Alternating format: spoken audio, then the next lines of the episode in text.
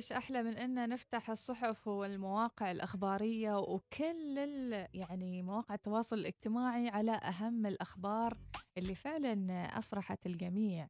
مجموعة أسياد تنجز بناء أول سفينة في الحوض الجاف بإشراف كفاءات وطنية. نقف ونتعرف على التفاصيل. أكيد متابعينا كيف آه، تم إنشاء هذه السفينة وما هو دور الشباب العماني فيها مع ضيفنا القادم ونتعرف على تفاصيلها. الأستاذ هيثم بن ناصر الطاير رئيس التنفيذي للعمليات في أسياد للحوض الجاف إن شاء الله راح يخبرنا عن هذا الإنجاز اللي يفخر به الجميع. وصباح الخير أستاذ. صباح النور والسلام عليكم. بارك الله فيك. يعني فعلا الكل آه، فرح بهذا الخبر وبهذا الإنجاز. يعني قبل كنا نسمع قبل أن الناس العمانيين القدامى والبحارة يصنعون السفن يجوبون العالم ويتسيدون أيضا هذا المجال. واليوم آه، ترجعون هذه التجربة هناك في الدقم ببناء أول سفينة بإشراف كفاءات آه، وطنية. فأريد نعرف عن هذا المشروع آه، أيضا بدايته. في البداية أشكر إذاعة الوصال القائمين عليه على هذه الاستضافة الطيبة وباخذ هذه الفرصة وأعطي نبذة مختصرة عن أسياد الحوض الجاف وبندخل فيها بعدين على تفاصيل السفينة ومشروع وبنائها وكيفيتها. آه طبعا أسياد الحوض الجاف هي من المشاريع الحكومية العملاقة التي تأسست في عام 2011 في المنطقة الاقتصادية بالدقم وهذا مشروع يعني يعنى بصيانة وتصليح السفن بمختلف الأنواع والأحجام. ولله الحمد يعني مع هذه السنوات تم اكتساب الخبرة في هذا المجال توسعت أعمالنا بشكل جيد وصار عندنا قاعدة عملاء مرموقة. وهذا ما يعني أهلنا وشجعنا وخلى طموحنا يزيد وان نحن ننتقل للمرحلة القادمة. ففكرة بناء السفينة يعني صحيح إن الحوض الجاف أسس على أساس مشروع لصيانة واصلاح السفن إلا ان الحوض يمتلك من المعدات والمهارات والبنية التحتية ما يؤهله لدخول هذا المكان. في حقيقة الأمر يعني كانت هناك الكثير من العروض يعني في السابق تأتي للحوض ولكن إدارة الحوض ومعها مجموعة أسياد ارتأت يعني اختيار المشروع الذي يسمح دخول عالم البناء بطريقة صحيحة ومدروسه. وبناء على ذلك تم اختيار هذا المشروع اللي أنتم يعني شفتوه في برامج التواصل. مم. الذي كان يناسب الحوض من حيث المواصفات المطلوبة ليكون الانطلاقه الأولى.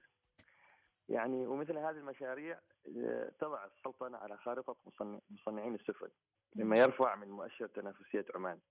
مثل ما أنت قلت يعني إنه اجدادنا في السابق كانوا يبنوا السفن وكذا بس كانت سفن يعني ببدن خشبي. بس هذه أول سفينة تبنى ببدن آه، حديدي.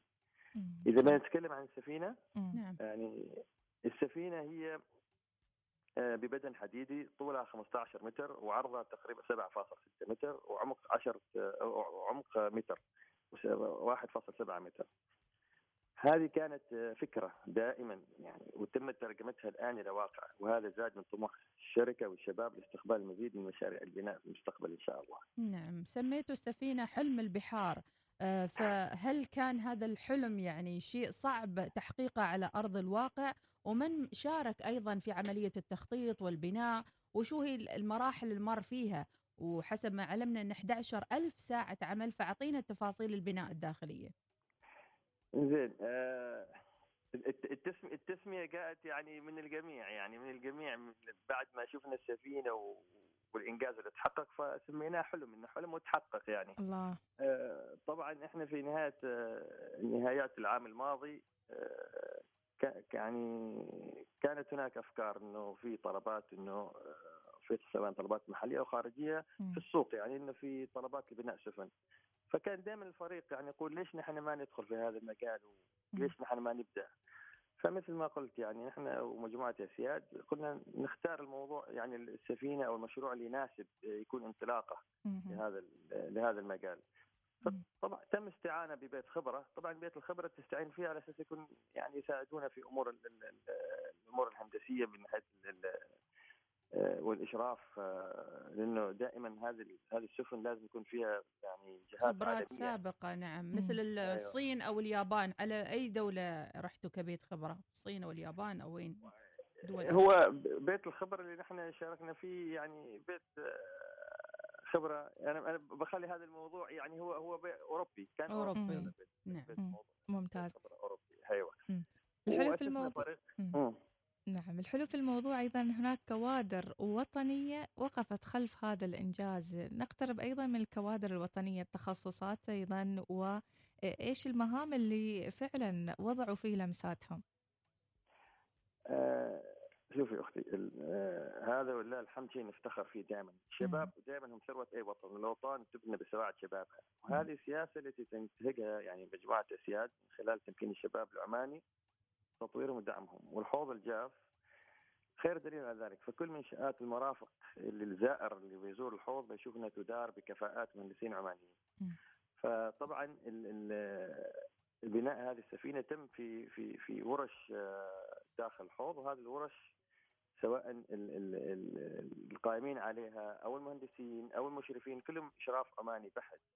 فهذا الشيء هو اللي يعني اسرق صدورنا إنه وحبهم وشغفهم واصرارهم انه نحن نطلع بهذا المنتج فهو كان سبب النجاح لهذا المشروع. ممتاز، من ناحية أيضا اللوجستية والإمكانيات الموجودة في الحوض الجاف في الدقم بما إنه كان حلم وصار حقيقة، ما هي الإيجابيات اللي طلعتوا منها وشو هي التعديلات اللي ممكن تسووها على الحوض لإنشاء سفن أخرى في المستقبل إذا كان عليها طلب؟ طبعا من 2011 وإحنا نقدم الخدمات هذه لعملائنا في البحار. ومثل ما قلت نحن اكتسبنا الخبرة كثير في آخر عشر سنين. وحسنا من أدائنا وحسنا أيضا طريقة التعامل مع الأمور اللوجستية سواء من استيراد أو يعني توصيل القطع غيار للدقم. آه الأدوار يعني الدقم حاليا بموقعها الاستراتيجي هي تقع في في في أكبر خط أكبر خط يعني للسفن من من ناحية يعني السفن التجاريه اللي تمر منها. هي دائما تكون موقع موقع استراتيجي ومناسب جدا لرسو وإن هذه السفن تيجي تعمل طلباتها أو إن هي تعمل صيانتها عندنا. ممتاز. نعم بس أستاذ يعني هل هناك هل هناك خطة لأن يتم إنتاج المزيد من هذا النوع من السفن؟ هل ستكون بنفس التصميم بنفس أيضا الوزن أم ستختلف؟ هل هناك تصاميم على الطاولة على الطاولة الآن أم هذه هي فقط هي البداية؟ خط طريق الألف ميل يبدأ بميل. هذه كانت بس مجرد البداية. بداية حاليا ونحن نتكلم نحن الحين جالس يعني حاليا ندرس مشروع أو أكثر من مشروع على الطاولة لبناء سفن أخرى. ونحن يعني ما نريد نتسرع كثير في هذا في في هذا المجال لأن نسويه بدقة وتفاني.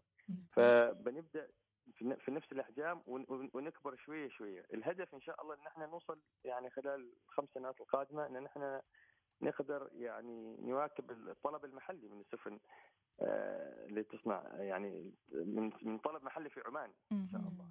في ماذا تستخدم هذه السفن؟ هل ستكون لنقل البضائع أم التنقل أم شو بالضبط راح تخصص؟ إذا نتكلم عن هذه السفينة هذه سفينة عمل يعني يسموها working boat سفينة عمل اللي هي بتكون يعني تنقل يعني بضائع من من من الرصيف للسفن كبيرة أو تنقل مؤن أو تنقل أغراض متعددة الاستخدامات هي. لكن نحن إن شاء الله نوعيه السفن نحن نطمح ان نسويها نحن يعني سواء يعني بنرتقي نعمل القاطرات أو بنعمل السفن الصيد اللي هي نحن أيضا. إحنا شيء يعني كنا معروفين فيه في السابق ونريد نحن نبرز فيه أكثر ونكون نحن تكامل لخطط الحكومة إن هذه سفن الصيد تصنع في في السلطنة إن شاء الله. ممتاز. يعني من المتوقع خلال خمس سنوات أن تكون هناك تخصصات تتجه لهذا المجال ربما أيضا التركيز عليها وظائف يعني متعلقة بصناعة السفن. هل نحتاج إلى تخصصية في هذا الموضوع لأن يكون هناك كوادر وطنية قادرة على أن تدعم هذا القطاع بكفاءة؟ هذا خط خط سير نحن قد بدينا فيه.